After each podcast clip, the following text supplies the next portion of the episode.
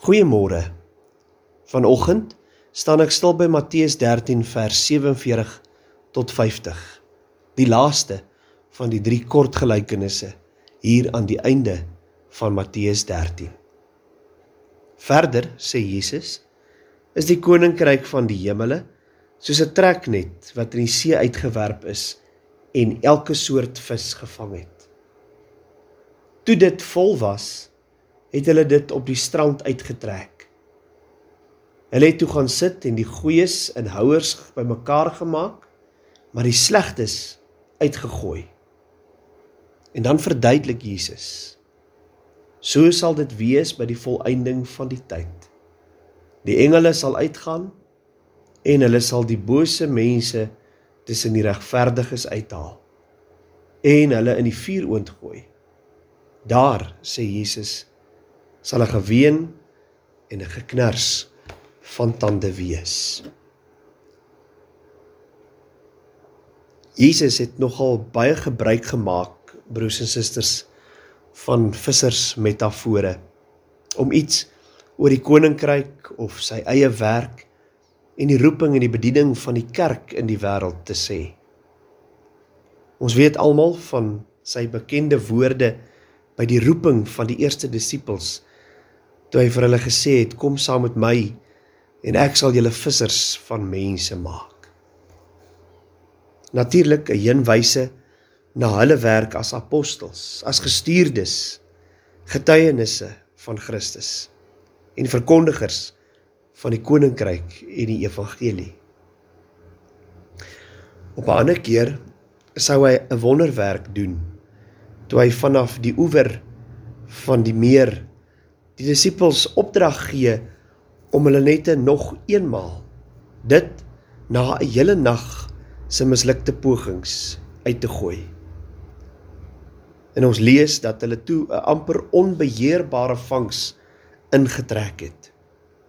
Hierna staan daar sou hulle hom erken as die Here. Hier in Matteus 13 vers 47 tot 50 gebruik hy weer 'n beeld wat sy disippels as vissermanne baie goed sou verstaan.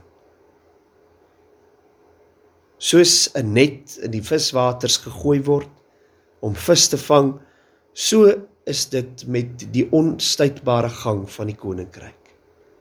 Die vangs, sê Jesus, sal groot wees.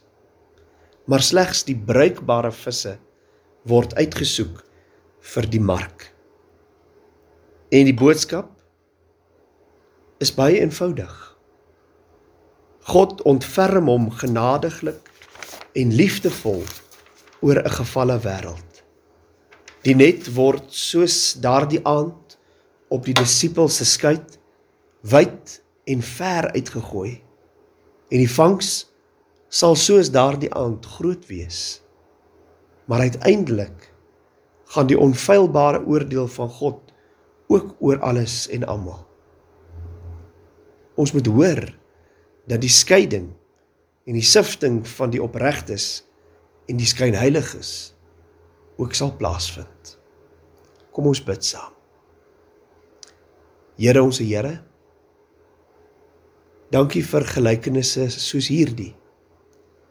Gelykenisse wat ons as gelowiges as kerkmense soms ongemaklik laat voel.